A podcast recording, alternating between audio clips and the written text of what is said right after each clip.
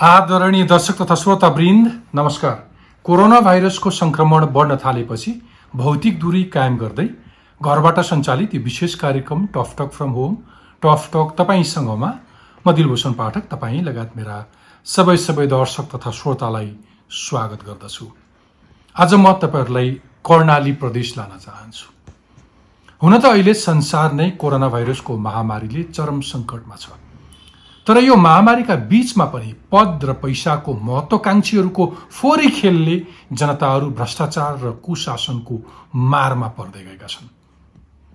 अशिक्षा गरिबी र चरम अविकासको दुष्चक्र खेप्दै आएको कर्णाली यतिखेर सङ्घीय शासन प्रणालीभित्र पनि नेताहरूको महत्वाकांक्षा पुरा गर्ने फोहोरी राजनीतिक खेल मैदान बनेको छ।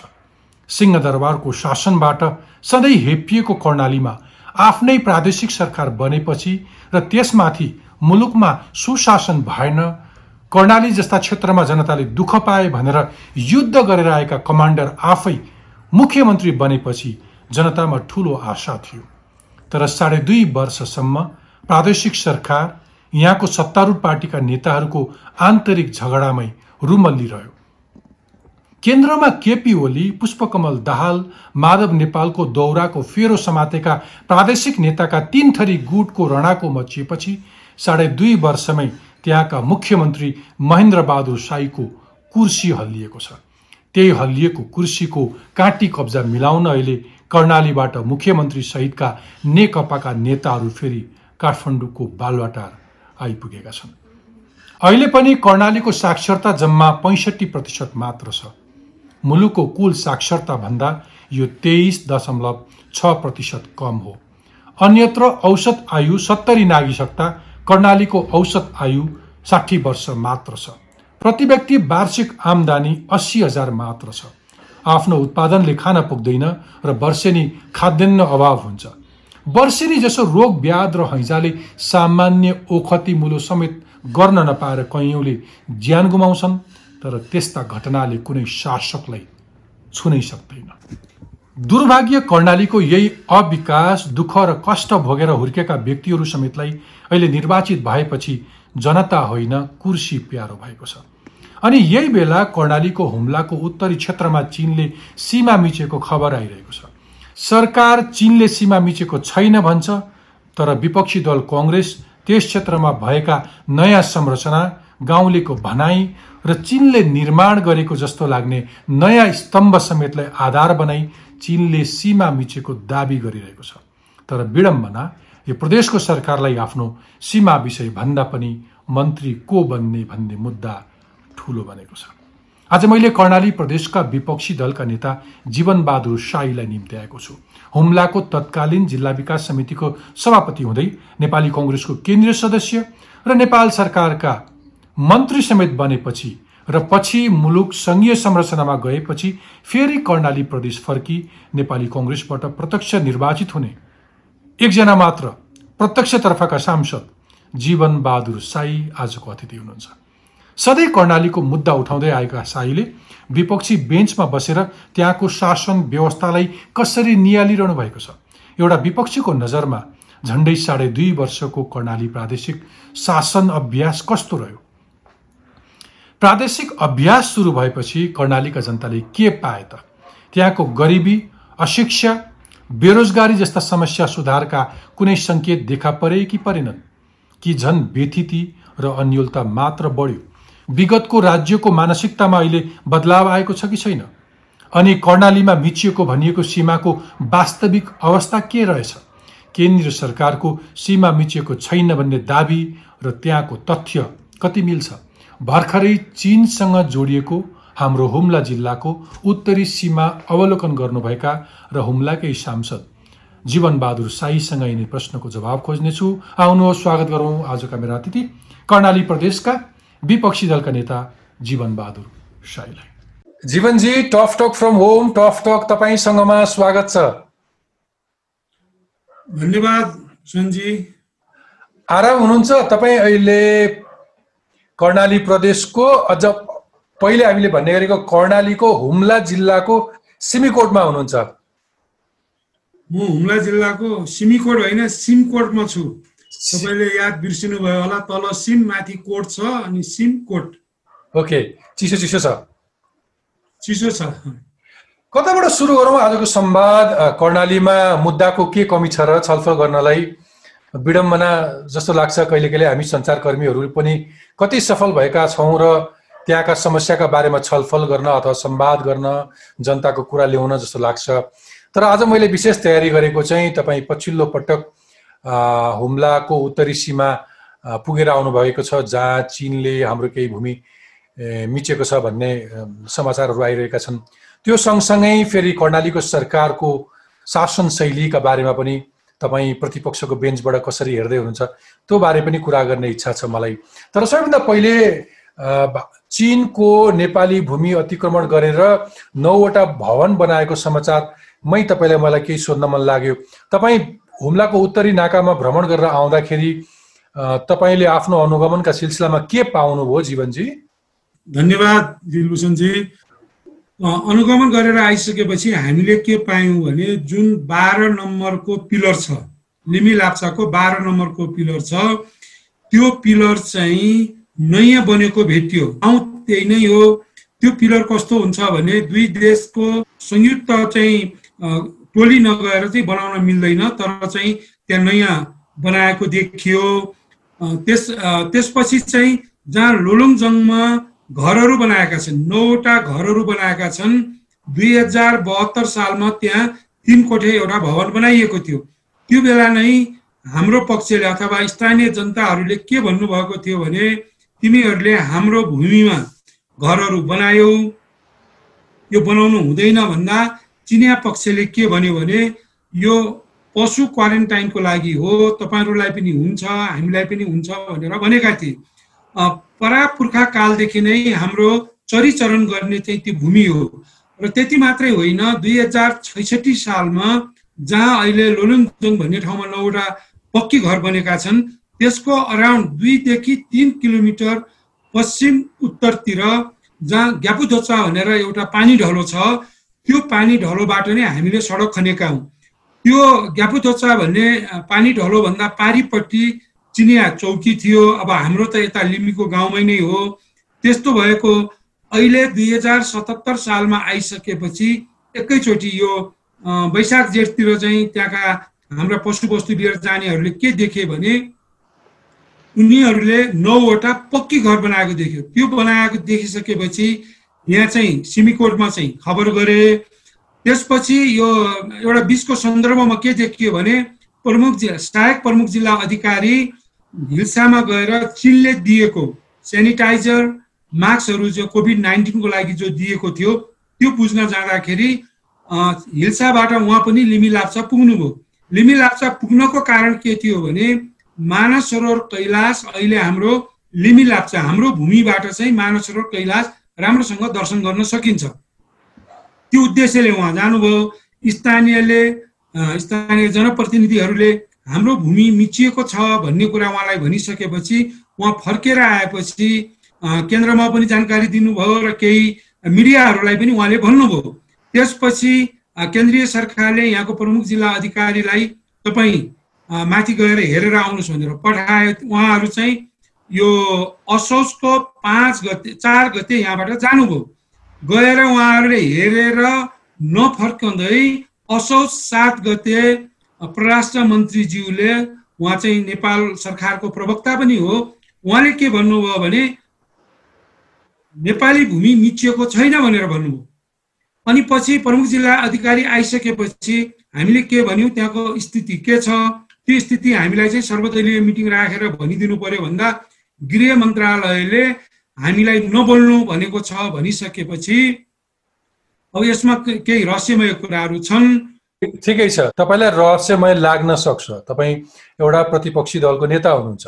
सरकारका प्रवक्ता परराष्ट्र मन्त्री प्रदीप गेवालीले अतिक्रमण भएको छैन भनेर भन्नुभयो। ठिक छ। तपाईँले चाहिँ अतिक्रमण भएको छ भनेर सरकारको आधिकारिक भनाइलाई प्रश्न गर्ने गरी तपाईँले पत्ता लगाएको तथ्य चाहिँ के के हुन्? मलाई त्यसलाई लिस्टमा तपाईँले भन्न सक्नुहुन्छ? मजाले म भन्दैछु। त्यही त। अब यहाँ त्यो लागिसकेपछि म त्यहाँ गएँ। गइसकेपछि बाह्र नम्बरको पिलर जुन चाहिँ पाँच हजार अठार मिटर माथि छ। अनि त्यो पिलर बाह्र नम्बर पिलर हेर्दाखेरि नयाँ छ। यहाँ के हुन्छ भने दुई हजार छ भन्दा पछि हाम्रो संयुक्त टोली गएको छैन। यो के अरे पिलरहरू मर्मसम्मार भएका छैनन्। करिब करिब जुन बेला उहाँहरूले लोलुङजङमा घरहरू बनाउनु भयो त्यही बेला नै यो पिलरको मर्मत गरिएको छ। पुराना टुक्राहरू पनि सबै छन्। नयाँ कलर पेन्टिङ गरेको। अब तपाईँ त यस्तो हिमालमा धेरैचोटि जानुभएको छ। एक हिउँ खाइसकेपछि पेन्टिङ गरेको कलर बस्न सक्दैन। त्यस कारणले नम्बर वान त्यो पिलर उहाँहरूले फ्रेस फ्रेस फ्रेस ताजा पिलर तपाईँले देख्नुभयो। तपाईँको फ्रेस ताजा। एउटा तर्क यो एउटा तथ्य यो। एउटा त्यो भयो। भने तपाईँको जुन पिलर हुन्छ अलिकति मात्रै त्यसको ओरिएन्टेसन चेन्ज गर्ने हो भने भूगोल त कता चाहन्छ कता चाहन्छ नापी जस्तै अर्को तर्क यो हाम्रै भूमि हो भन्नको कारण मेरो के हो भने जहाँ लोलुङजङमा नौवटा घर बनाइयो हामीले दुई हजार छैसठी सालमा त्यस लोलुङजङमा बनेको भवनको पश्चिमतिर अलिक उत्तरतिर करिब करिब दुईदेखि तिन किलोमिटर बाटो गपुदोस्गा भन्ने ठाउँबाट हामीले बनाएर ल्यायौँ। आज त्यो बाटो पनि उहाँहरूले आफ्नो भित्र भन्नुभयो। त्यो बेला बाटो बनाउँदाखेरि ताक्लाकोटबाट उहाँहरूको हाई अफिसियल मान्छेहरू आएर हामीलाई त्यो सिमाना देखाएर त्यो सिमाना भन्दा पारिपट्टि उहाँहरूको चौकी थियो। त्यो सिमाना भन्दा वारिपट्टि हामीहरूको चौरी गोठहरू थिए भनेपछि यो हाम्रो हो भन्ने मेरो अर्को नम्बर दुई तर्क त्यो हो। अनि नम्बर अब यो बाह्र नम्बर भयो। बाह्र नम्बरबाट अब तपाईँलाई चाहिँ मैले कुरा गर्न अलिकति धेरै नै सजिलो जस्तो लागेको छ किनकि तपाईँ हिल्सासम्म स्वयं सन्ताउन्न सालमा जानुभएको छ। म बाटो हिँडेको सिमीकोटदेखि हिल्सासम्म तपाईँले भनेका ठाउँहरू म सम्झिन्छु। डाँडाफायाबाट झरेर केर्मी धारा धारापारी छहरा केर्मी यालबाङ याङ्गार मुचु यारी नारा लेक भएर हिल्सा पुगेको छु। हजुर एकदम सही कुरा गर्नुभयो त्यो त्यो बाटो चाहिँ यतापट्टिको पर्यो। त्यसैको उतापट्टि जब तपाईँ यारी पुगिस पुग्नुभन्दा अगाडि मुचुको भित्र खोलाबाट जाने लिमीको बाटो पनि भन्ने प्रचलन छ नि त्यो कुरो भएकोले अनि हामी तपाईँले समाचार पनि सुन्नुभयो होला यहाँ सरकारले हराएको एघार नम्बर पिलर भेट्यो भनेर भने अनि मेरो भनाइ के थियो भने न एघार नम्बर पिलर हराएको थियो न यो एघार नम्बर पिलर भेटिएको। त्यो त्यो त्यो खम्बा नम्बर एघार खम्बा नम्बर एघार र बाह्र भनेको नाम खाएको लाम्चा भन्नेमा। लिमी भन्ज्याङ होइन। बाह्र नम्बर चाहिँ नामखाको लिमी लाप्चा भन्ने ठाउँमा पर्यो। हो। एघार नम्बर चाहिँ नामखाको हिल्साको पारिपट्टि। तपाईँले अब हिल्साको पुल याद गर्नुभयो भने झुलुङ्गे पुल सेरोको गाउँ पनि तपाईँ सम्झिनुहुन्छ। त्यसको सिधा सेरोको गाउँभन्दा अलिकति हाम्रो नेपाली भूमितिरको सिधा माथि बाहन्न सय दुई मिटर माथि छ। ठिक। त्यो अब हिल्सामा गयो। हिल्सामा जाने बित्तिकै नामखाको त्यो यारी क्षेत्रमा पर्छ। त्यो पाँच नम्बर वडामा पर्छ। अनि हामी त्यहाँ गएर हेऱ्यौँ त्यो हेर्दाखेरि त्यो पिलर चाहिँ ठिक छ तर त्यसको लेखेको ल पुरानो स्टाइलको छ भने बाह्र नम्बरमा लेखेको ल चाहिँ अहिले नयाँ स्टाइलको। तपाईँलाई याद होला पहिलाको हाम्रो ल भनेको यस्तो यस्तो खालको ल लेखिएको हुन्थ्यो। त्यो छ र धेरै पुरानो एकदम चाहिँ अक्षरहरू पनि मेटिएको त्यो छ। त्यसपछि हामी अब तपाईँलाई एकदम क्लियर हुन्छ। त्यसपछि हामी तल झऱ्यौँ। त्यो दिनमा चाहिँ हामी राति साढे बाह्र बजे मात्रै म हिल्सामा पुग्न सकेँ किनभने धेरै माथि थियो। अनि अर्को बिहान हामीले दस नम्बर पिलर जुन सेरोको गाउँ छ त्यसको छेउमा चाहिँ दस नम्बर पिलर छ।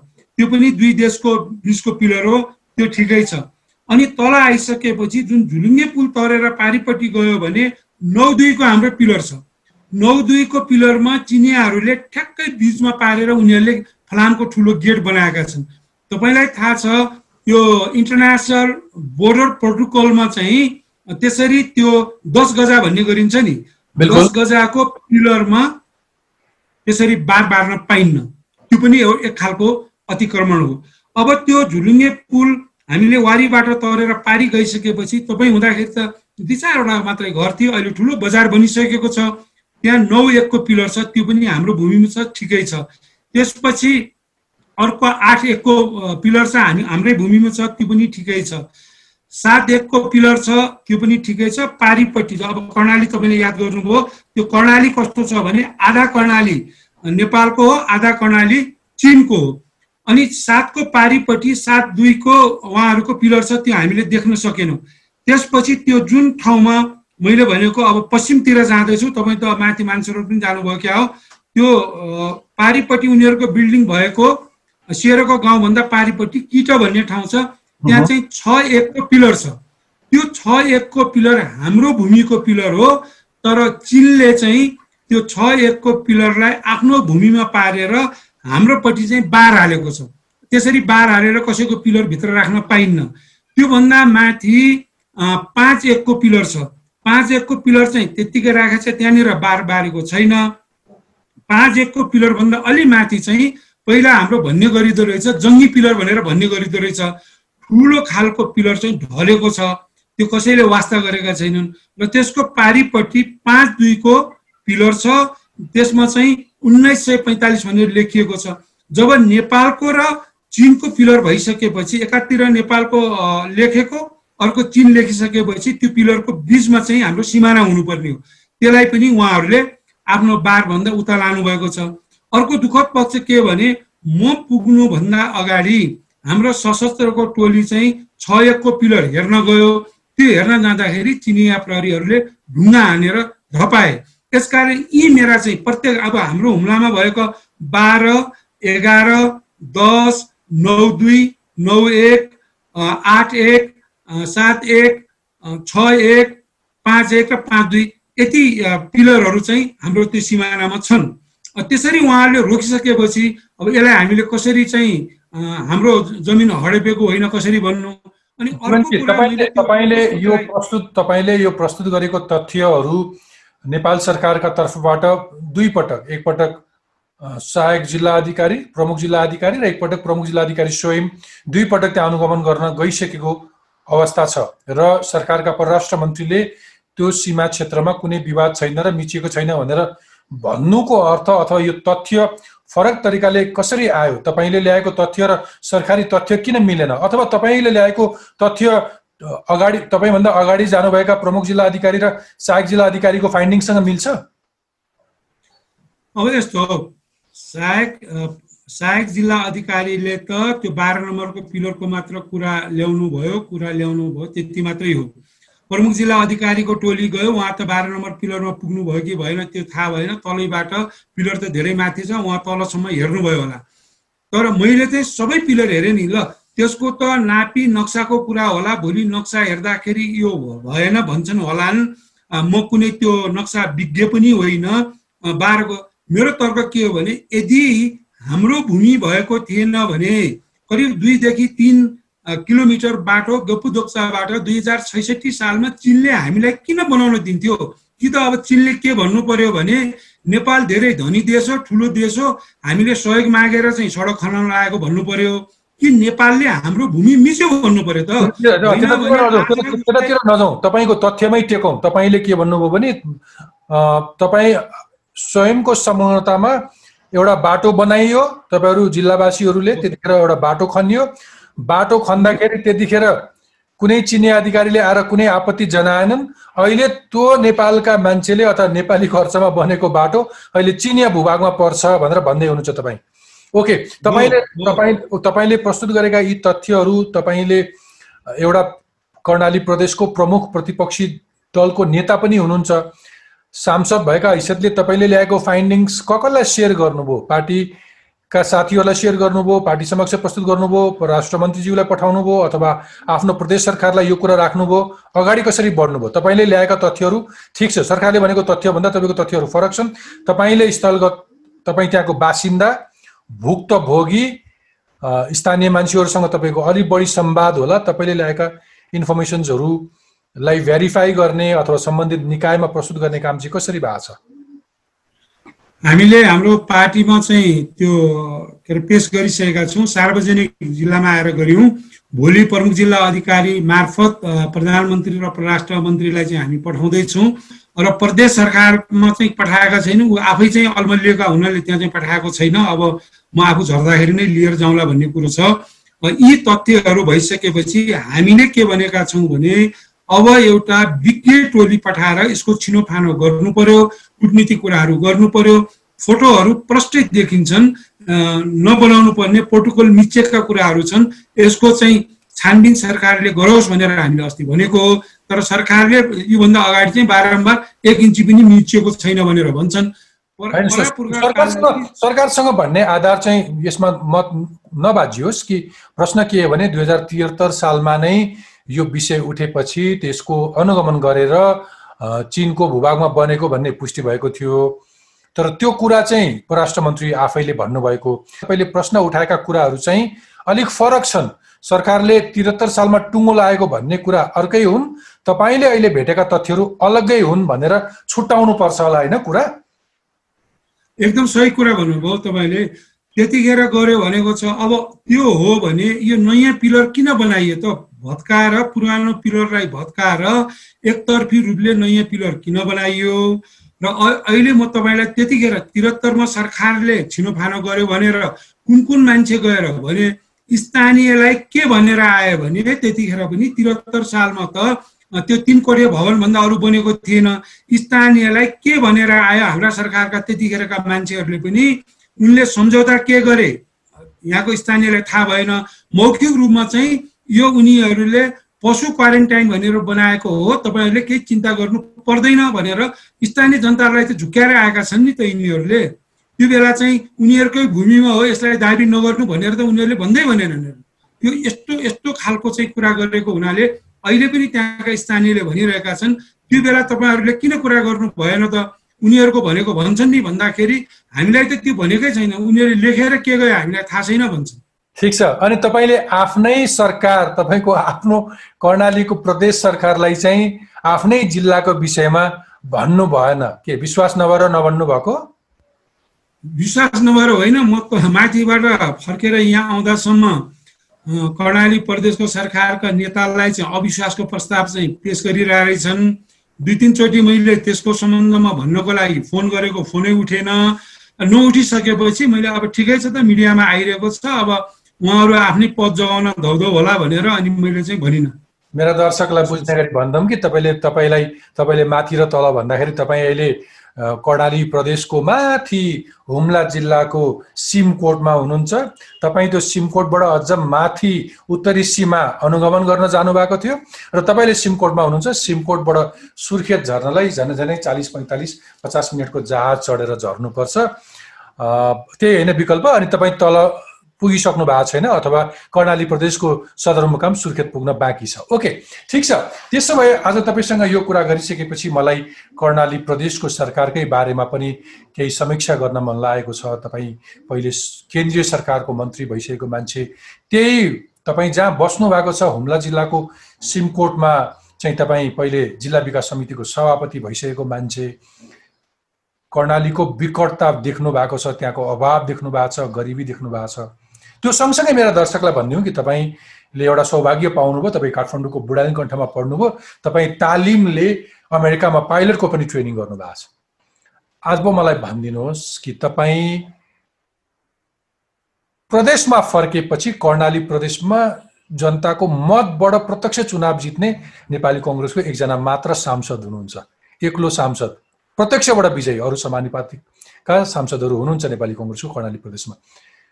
तपाईँको प्रदेश सरकार भनेको नेकपाको मात्र भन्दा बढी उपस्थिति छ। मलाई भनिदिनुहोस् तपाईँको प्रदेशको शासन कस्तो रह्यो गएको साढे दुई वर्ष? धन्यवाद कुलभूषणजी साह्रै महत्त्वपूर्ण प्रश्न सोध्नुभयो।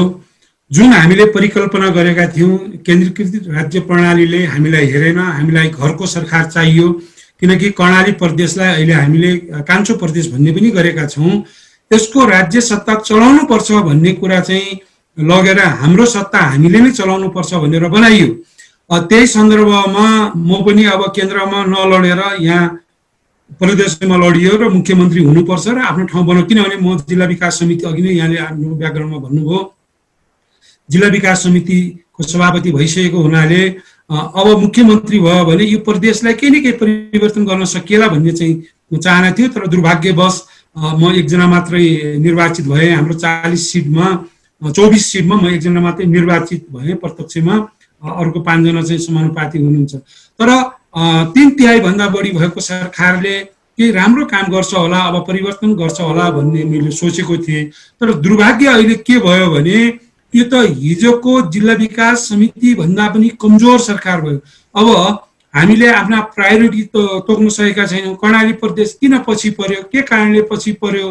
त्यसका फाइनी पनि गर्न नसक्ने यो सरकार भयो। र जसरी हिजो केन्द्रीय सरकारले र गाविसहरूले साना साना तिन योजनाहरू बाँडचुन गर्ने आफ्ना कार्यकर्तालाई दिने त्यस्तै यो सरकारको रूपमा नै देखिएन। यो दुःखद पक्ष चाहिँ त्यो छ।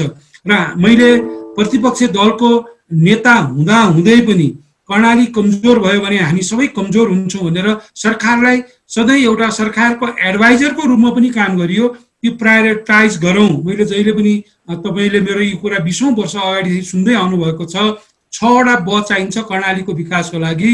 पहिलो ब भनेको बाटो हो। कनेक्टिभ कनेक्टिभिटी बिना केही पनि हुन सक्दैन। बाटो बनाऊ पहिलो प्रायोरिटी दोस्रो ब भनेको बिजुली हो। बिजुली बनाऊ।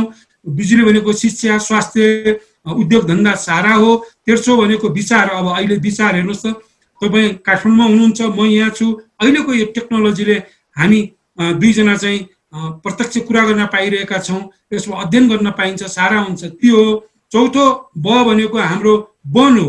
हामी चाहिँ वनको हिसाबले धेरै धनी छौँ। त्यसलाई चाहिँ प्रायोरिटाइज गरौँ। मलाई तपाईँलाई सोध्न मन लागेको नि। अहिले एकाएक तपाईँको यो पछिल्लो समय चाहिँ एउटा बुझाइ के थियो भने कति वर्ष हामीले बहुमतको सरकार नभएको कारण राजनीतिक स्थायित्व भएन विकासले गति लिएन पनि भन्यौँ होइन? तर तपाईँको प्रदेश सरकार त दुई तिहाईभन्दा बढीको बहुमत छ सरकारको। फेरि मुख्यमन्त्री आफै अस्ति जनयुद्ध गरेर जनताले न्याय पाएनन् यो भेगको विकास भएन कर्णालीका जस्ता जनता धेरै जनताले चाहिँ राज्यको उपस्थिति अनुभूत गर्न पाएनन् गरिबीमा बसे विपन्न भएर बसे रोग व्याधिमा ज्यान गुमाए भनेर त्यत्रो युद्ध गरेको मान्छे स्वयं अहिले मुख्यमन्त्री हुँदाखेरि पनि यो डेलिभरी गर्न नसक्नु भनेको चाहिँ के? हामीले त्यो सङ्घीयताको प्रपर अभ्यास गर्न नसकेको हो। सङ्घीयता चाहिँ भन्ने तर आज हेर्नुहोस् त तपाईँका मुख्यमन्त्रीको कुर्सी हल्लिएपछि त्यहाँका सम्पूर्ण नेताहरू फेरि बालटारै आउनुपर्ने स्थिति पो भयो त होइन?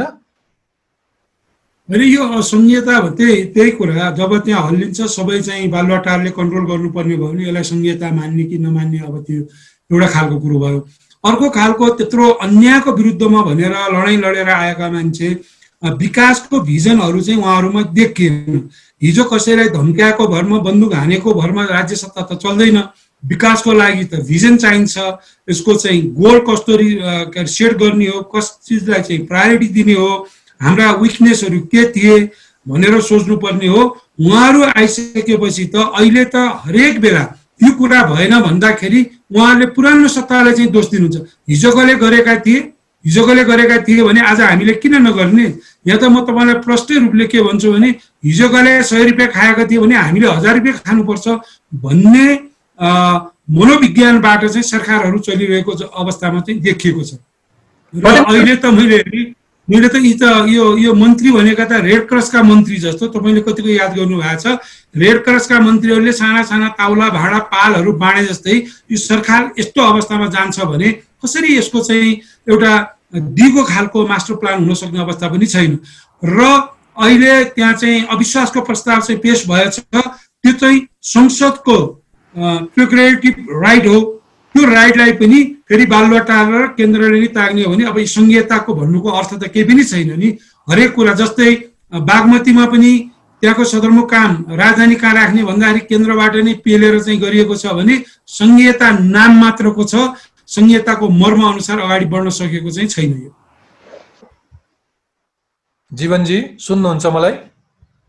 हजुर बिचमा अलि सुनिएन फेरि डिस्टर्ब भयो यो। ठिक छ ठिक छ।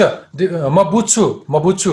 म सम्झिरहेको छु कि म कुनै बेला तपाईँको हुम्ला जिल्लाको स्थलगत रिपोर्टिङ गर्न आउँदाखेरि सिङ्गो जिल्लामा एउटा मात्रै टेलिभिजन सेट थियो सिमीकोटमा सिङ्गो जिल्लामा। सिङ्गो जिल्लामा दुईवटा मात्रै टेलिफोन लाइन थियो एउटा आउने र एउटा जाने। दूरसञ्चार कार्यालयको एउटा सानो कोठामा टेलिफोन राखिएको थियो त्यहाँ सरकारी कर्मचारीहरू समेत टेलिफोन उठाउन र फोन गर्न त्यहाँ आउनु पर्थ्यो। अहिले पनि तपाईँको डाटा त्यति राम्रो छैन। वाइफाईको कुरा छोडिदिनुहोस् तपाईँ फोनमा डाटाबाट आइरहनु भएको छ तर तपाईँसँग मेरो राम्रो कम्युनिकेसन भइरहेको छैन। सुन्नुहुन्छ अहिले जीवनजी? अहिले सुनिरहेको छु। ओके मलाई भनिदिनुहोस् यत्रो विपन्नता भएको यत्रो साक्षरता कम भएको कर्णाली प्रदेश जहाँ साठी प्रतिशत मात्र साक्षरता छ जुन साक्षरता भनेको कुल मुलुकको साक्षरता भन्दा तेइस दशमलव छ प्रतिशत कम हो। औसत आयु पनि साठी वर्ष मात्रै छ कर्णालीमा। जुन देशको अन्य क्षेत्रभन्दा एघार वर्ष कम हो। प्रति व्यक्ति आय पनि अस्सी हजारभन्दा कम छ भनेपछि आम्दानी छ त्यहाँको उत्पादनले खान पुग्दैन। तपाईँ युगौँदेखि विभेद भएको एउटा प्रदेश। जहाँका नागरिक देशको अरू भूभागभन्दा एघार वर्ष कम छ उनको औसत आयु। खेलाची होइन। साक्षरता अन्य भूभागभन्दा त्यहाँ तेइस दशमलव छ प्रतिशत कम छ। तर त्यस्तो विपन्नता भएको देशमा यो राजनीतिक खिचातानीले गएको साढे दुई वर्ष केही पनि डेलिभर गरेन त्यसो भए? होइन त्यो अब अहिले तपाईँले अहिलेको पनि त्यो डेटा लिन सक्नुहुन्छ। जुन डेटा तपाईँले भनिरहनु भएको छ त्योभन्दा प्रगति केही पनि हुन सकेन। एउटा प्रगति भयो भने पाँच छजना साथीहरू मन्त्री हुन पाउनुभयो हामी चालिसजना चाहिँ सांसद भयौँ र केही प्रपोजल लेख्न सक्ने मान्छेहरूले अनुदान प्राप्त गरे जनताको जीवनस्तर त हिजो जस्तो थियो आज त्यस्तै छ। हुम्लामा आजसम्म एउटा सडक पुगेको छैन। प्रदेश सरकारले एक इन्ची सडक पनि यहाँ बनाउन सकिरहेको छैन। भने यो साढे दुई वर्ष त उहाँहरूको आफ्नो पहिला चाहिँ कहिले कर्मचारी पाएनौँ भने त्यसपछि कहिले अनुभवको कमी भयो भने र कुनै कुरा पनि त्यसरी हामीले यसलाई यो अहिले तपाईँले दिइरहेको डे डेटालाई चाहिँ हामीले चेन्ज गर्न सकिरहेका छैनौँ भने र अहिले त जनताले भन्न थाले नि सङ्घीयता हामीलाई हुनु या नहुनुमा के फरक छ? दुई चारजना आफ्ना वरिपरिका कार्यकर्ताहरूले कृषिमा यत्रो लगानी भएको छ भेटनरीमा यत्रो लगानी भएको छ वास्तविक किसानहरूले पैसा पाएका छैनन् अनि आफ्ना नजिकका मान्छेहरूले। अब यो त सरकार त कस्तो भयो? झन् डरलाग्दो भएको छ। यो तल चाहिँ सिंहदरबार गाउँ गाउँमा पुगेको होइन कि सिंहदरबारको भ्रष्टाचार चाहिँ गाउँ गाउँमा पुगेको देखिन्छ। यसले गर्दाखेरि तपाईँले रिसेन्टली पनि हेर्न सक्नुहुन्छ हिजोको त्यो तपाईँले भनिरहेको डेटा र अहिलेको कुरामा के परिवर्तन भयो भन्दाखेरि केही देखिँदैन। म अहिलेको हाम्रा मुख्यमन्त्रीलाई एउटा कुरा के भन्न चाहन्छु भने तपाईँ मार्फत नै कुनै अरू कुरा राम्रो भएको छैन। एउटा यो चाहिँ अहिले कोभिड नाइन्टिनको सन्दर्भमा चाहिँ अरू प्रदेशभन्दा अलिकति विशेष खालको अलि राम्रो अलि दौडधुप मान्छेहरूलाई चाहिँ जिल्लामा पठाउने त्यो कुरा चाहिँ गरेको छ। हामी त कस्तो हो भने राम्रो गरेकोलाई राम्रो गरेको यो पैसा बाँडचुड गरेर खाने विकास गर्ने होइन दिगो विकास गर्ने होइन बाँडचुड गरेर कार्यकर्ता पाल्नको लागि एउटा इन्स्टिट्युसन तयार भएको छ। जीवनजी जब जीवनजी मलाई सोध्न मन लागेको नि अहिले अहिले तपाईँको प्रदेश सरकारका मुख्यमन्त्री प्रति अविश्वासको प्रस्ताव आउने बित्तिकै उहाँको कुर्सी हल्लिने बित्तिकै सबैले केन्द्र गुहारे यहाँ यहाँ सबैले आफ केही नेताहरूको फेरो समाएको छ। अनि तिनले आफ्ना नेतालाई गुहारे अहिले सरकार बचाउनलाई। मैले जोड्न खोजेको कहाँ हो भने अघिल्लो वर्ष वैशाख एक गते प्रधानमन्त्री केपी शर्मा ओलीले कर्णालीको मुगुमा पर्ने रारा तालको डिलमा बसेर देशवासीका नाममा सम्बोधन गर्नुभयो। त्यो शान्त तालको डिलमा बसेर लामै भाषण गरे जस्तो लाग्छ। त्यति बेला उहाँले त्यति बेला उहाँले कर्णाली प्रदेशलाई सबै हिसाबले विकासको नमुना प्रदेश बनाउने भनेर घोषणा गर्नुभयो। भनेपछि त्यो घोषणा घोषणापछि अहिलेसम्म कुनै एउटा सिङको भाँच्ने काम भएन अनि त्यहाँ त्यो राराबाट काठमाडौँ फर्केपछि प्रधानमन्त्रीले कर्णालीतिर कहिले फर्केर हेर्नु भएन। उहाँ चाहिँ त्यत्रो अहिले भन्नुभयो शान्त ढङ्गले त्यत्रो लामो भाषण गर्नुभयो। अनि हिल्सा सिमकोट हिल्सा सिमकोट सुर्खेतसम्मको चाहिँ फास्ट ट्र्याक प्रधानमन्त्री फास्ट ट्र्याक भन्ने नामाकरण गरियो। त्यसमा अहिलेसम्म एक पैसा उहाँले राख्नु भएन। उहाँ आफ्नै त्यो झगडा। कुनै एउटा कर्मचारी पठाउन सक्नु भएन। है? वचनले के? यो चाहिँ एकदम चाहिँ त्यो चाहिँ ठुलो आश्वासन दिएर अब हामी सबै कुराहरू परिवर्तन गर्छौँ भन्नुभयो। उहाँको बोलीमा मात्र सीमित भयो। त्यसपछि उहाँ चाहिँ आफ्नो बिचको झगडामा लाग्नुभयो। कर्णालीको लागि तपाईँले हेर्नुहुन्छ भने कहाँनिर के परिवर्तन भयो? यति सानसाना कुराहरू त हिजो जिल्ला विकास समितिले पनि बनाएकै थियो त। तपाईँले अघि नै मलाई एउटा स्मरण गराउनु भयो ती बेला एउटा इन्कमिङ र आउटगोइङ फोन थियो र यो प्रदेश सरकार आउनुभन्दा अगाडि नै मोबाइलहरू यहाँ आइसकेका थिए। प्रदेश सरकारले के भन्यो भने यसलाई डिजिटाइज प्रदेश बनाउँछु भन्यो। अहिले डिजिटाइज प्रदेशको हालत देखिहाल्नुभयो डाटाले पनि यहाँ काम गरिरहेको छैन। त्यस्तै प्रधानमन्त्रीले स्रोत साधन सबै सम्पन्न गर्छु कर्णालीलाई हामीसँग चाहिँ सम्भावना धेरै हुँदा हुँदा पनि मोडर्न इन्फ्रास्ट्रक्चर नभएको कारणले चाहिँ यहाँको विकास हुन नसकेको हो। त्यस कारणले रोड एक्सेसलाई अहिले पुरा कम्प्लिट गरिदियो भनेर भन्यौँ। आखिरी त्यो पनि भएको छैन।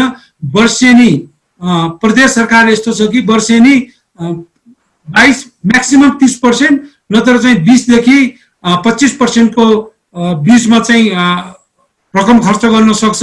अनि किन भएन भन्दाखेरि हामीले माथिबाट कर्मचारी पाएनौँ भन्छ यो त हिजोको अवस्थामा भन्दा पनि झन् नाजुक अवस्थामा गएको देखिन्छ भने अब प्रधानमन्त्रीज्यूको त्यो शान्त राराको डिलमा बसेर दिएको भाषण त कुन कुनामा अब रानी पोखरीतिर पुग्यो कि कता पुग्यो केही भन्नै नसकिने अवस्था मलाई नि जीवन चाहिँ मलाई मलाई यो गएको साढे दुई वर्षको अभ्यास हेर्दा त्यहाँ करिब बडो मुस्किलले तिस प्रतिशतको हाराहारी मात्रै बजेट खर्च भएको देखिन्छ। यो भनेको विगतमा केन्द्रीय सरकारको पनि गर्न नसक्ने त्यस्तै खालको समस्या थियो। अहिले प्रदेशमा पनि त्यो रोग देखा पर्यो। तपाईँलाई के लाग्छ? तपाईँ एउटा जिल्ला विकास समितिदेखि यहाँको मन्त्रीसम्म भइसकेको। अब गुनासो गरेर मात्रै पनि भएन मान्छेले नेपाली कङ्ग्रेसको शासन शैली पनि देखेकै हो। तपाईँहरूले तपाईँहरू सरकारमा हुँदा कति डेलिभर गर्नुभयो भन्ने कुरा पनि जनता नागरिक जानकार छन्। सुधार चाहिँ कसरी गर्ने? यो यो यो प्रदेश सरकारले चिन्ता लिनुपर्छ होला। अक्सर एउटा पार्लियामेन्टलाई घनीभूत बनाउनलाई अथवा एउटा सरकारको इफिसियन्सी बढाउनलाई प्रतिपक्षीको पनि त्यतिकै भूमिका हुन्छ। तपाईँ जस्ता ग्रास रुटबाट आएका अथवा इन्टरनेसनल एक्सपोजर पनि पाएका राम्रो स्कुल गएका मान्छेहरूको पनि योगदान हुन्छ होला। तपाईँहरू आपसी संवाद चाहिँ कहीँ गर्नुहुन्न? लोकतन्त्रमा त संवाद हुन्छ नि होइन? त्यसमा पनि कर्णाली प्रदेशमा त तपाईँहरूले को सरकारमा र को प्रतिपक्षमा भन्ने भन्दा पनि मिलेर गर्दाखेरि पो जनताको हित हुन्छ होला होइन? एकदम सही कुरा भन्नुभयो। हामीले चाहेकै त्यही हो। मिलेर गर्ने एउटा कुरो के हुँदो रहेछ भने एउटा अङ्ग्रेजीमा भनाइ छ यो एडभाइस भन्ने कुरो कस्तो रहेछ भने wise dozen white dozen need full dozen take अब गर्नुहुन्छ के? हामी त मैले अघि नै पनि भने एडभाइजरी रोलमा गएर यो गरौँ। यसरी जाउँ म त अहिले यसो हेर्दाखेरि हिजो जिल्ला विकास समितिको एकात्मक राज्य प्रणाली हुँदा हुँदै पनि म हिजो जिल्ला विकास समितिको सभापति हुँदा ममा धेरै राइट थिए जस्तो लाग्छ। तपाईँलाई थाहा छ यो हिस्ट्री तपाईँलाई थाहा छ हिल्सा सिमकोट मोटर बाटो बनाउँछु भनेर मैले गर्दा तिनचोटि मैले तारिक बोकेको त तपाईँ नै प्रत्यक्षदर्शी हुनुहुन्छ नि तर पनि मैले त्यो बाटो बनाएरै छोडेँ। आज एउटा सानो सानो कुरा परे पनि प्रदेश सरकारले केन्द्रीय सरकारलाई नसोधी नगर्ने अवस्था आइसकेपछि त यो स्वायत्तताको कुरो र संहिताको कुरो रहँदै रहेन। र रह्यो जुन संवादको कुरा गर्नुभयो हरेक कुरामा पुगेको दिनदेखि नै यी कुराहरू गर्नुपर्छ। अघि पनि भने इन्फ्रास्ट्रक्चरका कुराहरूदेखि लगेर उद्योग धन्दाका कुरादेखि लगेर जे जे हामीसँग कानुनहरू हामीले निर्माण गरेका छौँ ती कुराहरूलाई हामी अगाडि बढाउँ भनेर भनेपछि अब त्यो सल्लाह नलिएर अनि जाने आफ्ना वरिपरिका राखेर अब त्यो त्यो खालको अवस्थामा गएपछि त जति भने पनि हुँदैन रहेछ। मेरो पनि दायित्व हो त्यो मलाई थाहा छ। तर मेरो दायित्व भनेको मैले उहाँहरूलाई भन्ने हो मेरो हातमा कलम छैन होइन? उहाँहरूलाई भनेर सुझाव दिने हो। अब अहिले के भएको छ भने राम्रो सुझाव दिँदा पनि प्रतिपक्षीले भनेको त हो यसको धर्म नै भन्ने हो। भन्ने मानसिकताले गएका हुनाले यहाँको विकास त्यति साह्रो राम्रो हुन नसकेको कुरा हो। पछिल्लो समय चाहिँ त्यहाँ सत्तारूढ दल नेकपा भित्रको जुन किचलो छ नि त्यसलाई तपाईँले कसरी बुझ्नु भएको छ? यो खासमा त्यहाँ व्यक्तिको महत्वाकांक्षाको टक्राव हो वा साँच्चै त्यहाँ सरकार फेर्नुपर्ने अवस्था आइसकेको असफल भएको सरकार? होइन एउटा कुरो त यो चाहिँ सत्य कुरो के हो भने अहिलेको सरकार र सरकारका मन्त्रीहरू। सरकारका मन्त्रीहरू के छन् भने सबै ठाउँमा योजना हाल्ने टेन पर्सेन्ट उठाउने। त्यो चाहिँ सरकार प्रमुखले चाहिँ केही गर्न नसक्ने। भले ऊ आफूमा राम्रो होला। केही गर्न नसक्ने अवस्था भइसकेपछि यस्तो निकम्बा सरकार त त्यहाँ त भनेकै थियो त यस्तो निकम्बा सरकार प्रतिपक्षी जम्मा पाँच छजना हुँदा पनि आज बाहिर बाहिरबाट प्रतिपक्षीको विषयलाई लिएर हाई गरिरहेका छन् र यो जति दिन पनि टिक्यो यसले चाहिँ खतमै बनाउँछ भनेर जुन सोचेको मेरो विचारमा त्यही सोचाइमा उहाँहरू जानुभएको हो। र अहिलेको जुन यो सरकारको काम गर्ने त एउटा आफ्ना भान्जा भान्जी अब यो के अरे अनुदान दिने पनि त्यस्तो गर्ने सरकार चाहिँ टिक्नु हुँदैन र यसको जुन एउटा भिजन थियो त्यो भिजनले चाहिँ काम गर्ने देखिएन। साँच्चै भन्ने हो भने लिडरसिप राम्रो भएन भने परिवर्तन चाहिँ हुन सक्दैन। कुनै पनि इन्स्टिट्युसनको आवश्यक थियो यही लिडरसिपले चाहिँ यहाँको विकास हुने चाहिँ देखिँदैन। जताततै भ्रष्टाचार र त्यो पैसा बाँड्ने मैले भने त उपभोक्ता समिति समेत प्रदेश सरकारले बनाएर पठाउँछ भने अब यो कसरी चाहिँ पावर डिभोल्युसन होला कसरी चाहिँ यहाँको डेभलपमेन्ट होला त्यो हुने सम्भावनै छैन। त्यस कारण कमसे कम एउटा परिवर्तन भइसकेपछि केही न केही चाहिँ चिजहरू फरक हुन्थ्यो भन्ने लाग्छ मलाई कर्णालीमा। धेरै मान्छेहरूले चाहिँ यो संरचनामा पनि दोष देख्छन् जसलाई यो सङ्घीय संरचना मन परेको छैन। त्यो शासकीय संरचनामै जटिलता देख्छन्। कसैले होइन शासकीय संरचनामा जटिलता छैन शासन गर्ने शैली राम्रो भएन अथवा तपाईँले अहिले भन्दै गर्नुभएको नेतृत्व क्षमता भएन भन्दै हुनुहुन्छ। तपाईँले फेरि पनि म तपाईँलाई सोधेँ कि तपाईँ स्थानीय तहदेखि केन्द्रसम्म बसेका हिसाबले पछिल्लो तपाईँको अब्जर्भेसन चाहिँ के के छ? पर्सनल प्रब्लम्सहरू अथवा सङ्घीयताको मर्म वास्तविक रूपमा आत्मसात गर्न नसक्ने अथवा दूरदृष्टिकोणको अभाव भएको अथवा अथवा मुख्यमन्त्री बन्न बन्ने लोभमा अथवा होडले त्यो एउटा अनुकूल वातावरण बिग्रँदै गएको हो। At the end of the day यसले त फेरि अन्याय अन्यायमा परिरहेका जनतालाई भयो। भुङ्रो के अरे तावाको माछा भुङ्रोमा खसे जस्तो हुने भयो कर्णालीलाई कर्णालीका बासिन्दालाई। तपाईँले देखेको समस्या चाहिँ के हो वास्तवमा तपाईँको प्रदेशको? अब यो यो असाध्यै राम्रो कुरा चाहिँ भन्नुभएको छ एउटा चाहिँ सङ्घीयतालाई आत्मसात नगर्ने एउटा कुरो छ। मेजर कुरो भनेको कुनै देश अब यो सिस्टमले हो जस्तो मलाई लाग्दैन। होइन सिस्टमले नै हुने भएको भए कम्युनिस्ट शासन भएको चाइनाको विकास हेर्नुहोस् राम्रै छ। यो सम्राट भएको जापानको हेर्नुहोस् राम्रै छ। क्विन भएको बेलायतको राम्रै छ। होइन त्यो सिस्टमले होइन सिस्टम चलाउने व्यक्तिमा भर पर्छ भन्ने मलाई लाग्छ। जब त्यो व्यक्तिले सेक्रिफाई गर्न सकेन भने अहिले चाहिँ कस्तो भयो भने प्रदेश सरकारका मान्छेहरू हिजो हामी निर्वाचित भएर आयौँ। अर्को निर्वाचन कसरी जित्न सकिन्छ र अब पैसा कलेक्ट गर्न कसरी सकिन्छ? विकासको कुरा भन्दा पनि पैसा कलेक्ट गरेर जाने।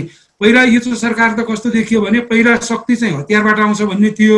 अहिलेको सरकार त्यसो शक्ति भनेको त पैसाबाट आउँछ भनेर त्यो गइसकेपछि र आफ्नै साथीहरूलाई पनि व्यवस्था गर्ने भनेका कुराहरू नगर्ने भइसकेपछि त्यहाँ पनि त्यहाँभित्र पनि विद्रोह भएको जस्तो मलाई लाग्छ। र मेन कुरा के हो भने भिजनरी लिडर भएन भने विकासको लागि किनभने राजनीति भनेको त विकासको लागि हो विकास भनेको जनताको लागि हो। र मेरो र तेरो गर्ने चाहिँ माथि केन्द्रमा हुँदासम्म त्यति साह्रो देखिँदैन थियो। तर तल्लो स्तरमा झरिसकेपछि प्रत्यक्ष जनताले देख्न सक्ने पाउने अवस्था आयो। र त्यो कुनै पनि अहिले तपाईँले चाहिँ यो प्रदेशको हेर्नुभयो भने भाषण त तपाईँले पनि धेरै सुन्नुभयो नि। हामी संसारको नमुना प्रदेश बनाउँछौँ भन्छन्। मैले भन्ने गर्थेँ कमसे कम त्यो संसारको नमुना बनाउनु परेन। हाम्रो पोखरा जतिको मात्र बनाइदियो भने पुग्छ नि। आज सुर्खेतको हेर्नुहोस् त दुई साढे दुई वर्षसम्म सुर्खेतको भएका सडकलाई मर्मत सम्हार गर्न नसक्ने हाम्रो सरकार अरू के गर्न सक्ला होइन? त्यस कारण नेतृत्व नै यो अब यो अहिले भन्ने गरेको छ नि गणतन्त्रमा आएर जसलाई पनि हामीले चाहिँ सत्तामा पुर्यायौँ भनेर सत्तामा पुगिसकेपछि मान्छेको सोचाइमा के भयो भने अब राम्रो काम गर्नुपर्छ भन्दा पनि नराम्रो काम गरेर अगाडि बढ्ने होडबाजी चाहिँ चलिरहेको देखिन्छ। र अहिले जतिले मान्छेले भनिरहेका छन् वास्तवमा मैले पनि सदनमा बोले यही प्रकारले यो सङ्घीयताका या प्रदेश सरकारका काम कारवाही हुने हुन् भने सायद हामी नै पहिलो प्रदेशका सांसद र अन्तिम सांसद हुन सक्छौँ भन्ने कुरा मैले पनि सदनमा बोलेको थिएँ। किनकि यो अहिलेको क्रियाकलापले त यस्तो भ्रष्टीकरण त यस्तो गर्यो कि एकात्मक राज्य प्रणाली भन्दा पनि चरम रूपले चाहिँ बिग्रिएको अवस्था देखिएको छ। जीवनजी जीवनजी तपाईँ तपाईँ त्यही प्रदेशको त्यहीँ जन्मेको मान्छे। त्यहाँ फर्केर राजनीति गर्न जानु भएको म अरू कुनै भूभागको मान्छे म कर्णाली घुमेको छु। तपाईँले अघि जोड्नुभयो म त्यहाँबाट हिँडेर तिब्बतसम्म निस्केको छु। त्यहाँको मान्छेको पीडा देखेको छु। मान्छेले कल्पना गर्न सक्दैन। आजसम्म पनि मान्छेले कल्पना गर्न सक्दैनन् कि कर्णाली कर्णालीवासी त्यति विकटमा अथवा त्यति विपन्नतामा त्यति अभावमा त्यति गरिबीमा बाँच्छन् भनेर। हामी सञ्चारकर्मीले कति न्याय गर्न सकेका छौँ त्यहाँका मुद्दाहरू ल्याउनलाई तर अकल्पनीय दुःख र पीडा छ त्यो प्रदेशमा। अब कसैलाई आक्षेप लगाएर पनि यो हुनेवाला छैन। तपाईँहरू राजनीतिक कर्मीहरू तपाईँहरूको टाउकोमा तपाईँहरूको जिम्मेवारीमा पर्छ त्यहाँका जनताको मुक्तिका लागि भनेर। प्रश्न के हो भने तपाईँको सरकार यति भ्रष्ट भइरहेको थियो भने कर्णालीका मान्छेको सपनामा यो किसिमको तुषारपात भइरहेको थियो भने तपाईँहरूले विसेल ब्लो त गर्न सक्नु पर्यो नि। सरकार भ्रष्टाचारमा लिप्त भयो। हुन त अहिले त्यही भएर सरकारका विरुद्ध अविश्वासको प्रस्ताव आएला तर केन्द्रसम्म तपाईँहरूले चाहिँ अल्टिमेटम कुनै औपचारिक रूपमा तपाईँहरूले यहाँ आएर चाहिँ जानकारी गराउनु पर्थ्यो कि अथवा स्थानीय तहमा पनि तपाईँले नागरिकहरूलाई एक किसिमको सचेतना कुनै अभियान गर्नु पर्थ्यो कि अर्थात् अथवा संसदमा तपाईँले अलिकति स्ट्रङ रूपमा कुनै कुरा उठाउनु पर्थ्यो कि? अब भाग्न त पाइँदैन नि होइन? एकदम सही कुरा भन्नुभयोस् अब भाग्न पाउने कुरै छैन। हामीले यति चर्को रूपमा तपाईँले त्यहाँको संसदको पनि हेरिरहनु भएको होला। चर्को रूपमा चाहिँ हामीले आवाज उठायौँ। अब दुर्भाग्य के भयो अघि नै भने तिन तिहाईभन्दा बढी उहाँहरूको छ। हामीले रोस्टम घेर्नेकोदेखि लगेर सारा कुरा गऱ्यौँ। केन्द्रमा पनि यी कुराहरू पुर्यायौँ। अब हामीले भन्दाखेरि के भयो भने यो त प्रतिपक्ष हो प्रतिपक्षको धर्मै हो भन्न थाल्यो। अब त्यसको अत्याचारको कुरोलाई लगेर स्वयं उनीहरूकै पार्टीबाट पनि अठारजना उहाँहरूको तेत्तिसजना सांसद मध्येबाट अठारजनाले अविश्वासको प्रस्ताव पेश गर्यो भनेपछि योभन्दा डरलाग्दो अवस्था के हुन सक्ला? आफ्नै पार्टीका मान्छेहरूले अठारजनाले अविश्वासको प्रस्ताव पेश गर्नु भनेको ठट्टाको विषय थिएन। तर फेरि त्यही केन्द्रको रोग सांसद खरिद बिक्री गर्ने अब पद दिन्छु भन्ने पनि खरिद बिक्री नै हो पैसा दिन्छु भन्ने पनि खरिद बिक्री नै हो त्यो विकृतिमा जसले यो मुलुकको न्यायका लागि भ्रष्टाचारका विरुद्धमा अन्याय र अत्याचारका विरुद्धमा चाहिँ बन्दुक उठाएकाहरू नै खरिद बिक्रीमा लागेपछि अब हामी त हाम्रो आवाज त अब यो अहिले पनि त मैले तपाईँको जस्तो यस्तो यो टफ टक चाहिँ संसारभरि लोकप्रिय भएकोबाट चाहिँ ती आवाजहरू दिइरहेका छौँ त्यस्तै अरू मिडियामा दिइरहेका छौँ अरू ठाउँमा भनिरहेका छौँ र हुँदा हुँदा हाम्रो आवाजलाई नै स्वीकार गरेर यो साँच्चै यो सरकार भ्रष्टीकरण भयो। अब यो एक मिनट पनि राख्नु हुन्न भनेर चाहिँ उनीहरूकै साथीहरूले चाहिँ अविश्वासको प्रस्ताव पेश गरे। यो यो ठिक छ तपाईँको सेन्स मैले पाएँ। यो साढे दुई वर्षको अनुभवको आधारमा तपाईँका रेकमेन्डेसन्सहरू के छन्? अब कार्यक्रमलाई बिट मारौँ। खासमा के के कहाँ कहाँ कस्तो कस्तो सुधार गर्नुपर्छ? जीवनजी कर्णालीका जनतालाई धोका नहोस् मेरो त्यही प्रश्न कर्णालीका जनतालाई धोका नहुनको लागि कर्णालीको विकास गर्नको लागि चाहिँ केन्द्रीय सरकारले हरेक कुरामा बाधा अर्चन गर्नु हुँदैन। उसले गलत काम गर्यो भनेपछि त्यसलाई चाहिँ मोनिटरिङ गर्ने हो। अब कुनै पनि कुराहरू गर्न नदिने जुन सङ्घीय के अरे केन्द्रीय सरकारले गरेको छ त्यो कुराहरू गलत छन्। दोस्रो कुरा भनेको हाम्रा आवश्यकताहरू अघि नै भन्यो यहाँको पीडाहरू यहाँका दुःखहरू यहाँका कष्टहरू के के हुन् भने त्यो फाइन्ड आउट गर्नु पऱ्यो नि प्रदेश सरकारले। जुन हामीले सल्लाह दिएका कुराहरू यो यो कुराहरू गर भने त्यसरी जानु पऱ्यो नियम कानुन ऐनहरू हामीले बनाइसकेका छौँ ती बनाएका ऐनहरू जे जति हामीले बनाएका छौँ तिनलाई लागू गरेर जानु पर्यो त्यसपछि जुन खर्चको हिसाबले विकासको हिसाबले अघि पनि यहाँले भन्नुभयो तिस पर्सेन्ट मात्रै अब दुई वर्ष भइसक्यो तिन वर्ष भइसक्यो। तिस पर्सेन्टभन्दा बढी खर्च भएको छैन।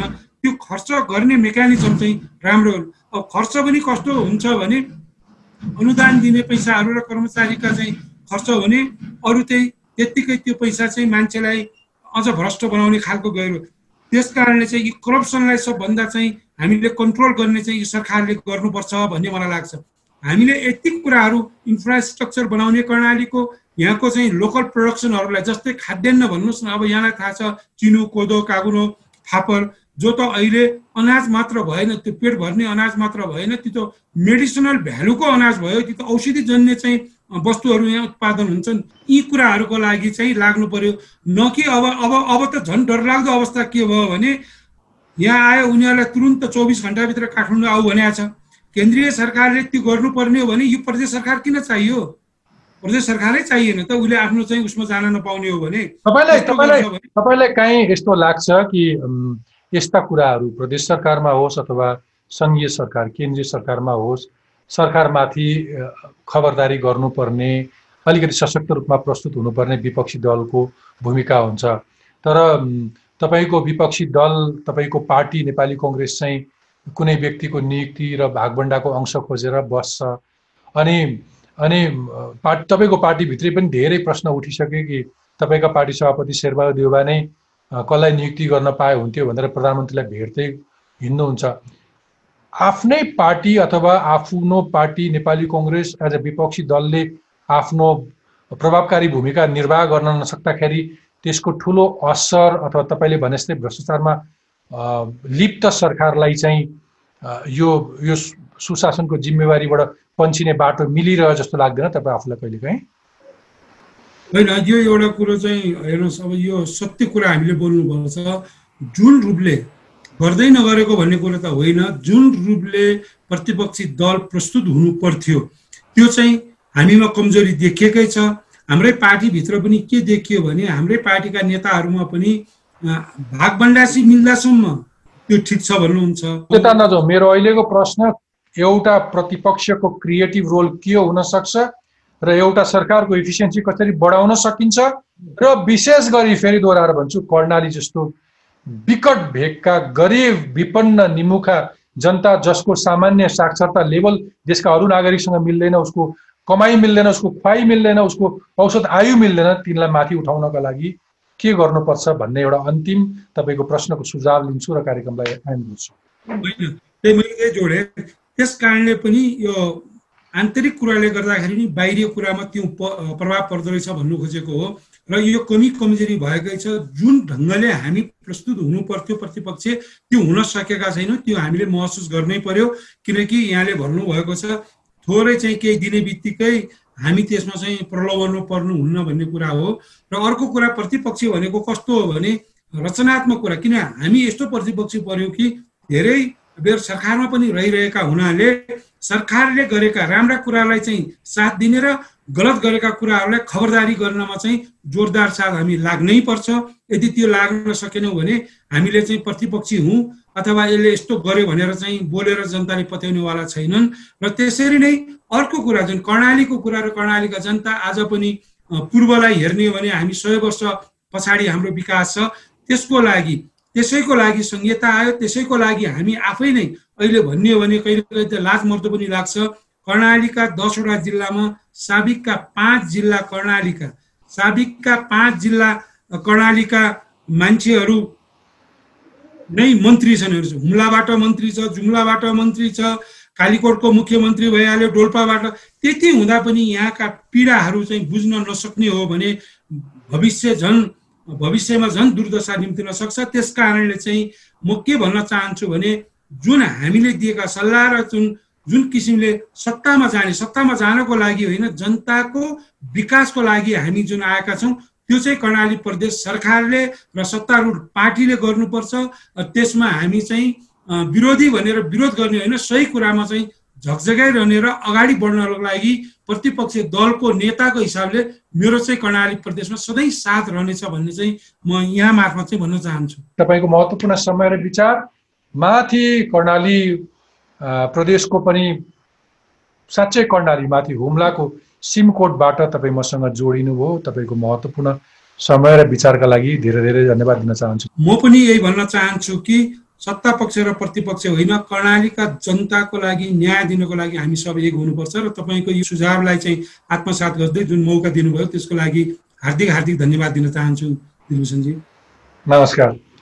जयनजी थ्याङ्क यू भेरी मच दर्शक वृन्द कार्यक्रमको अन्त्यमा तपाईँको प्रश्न।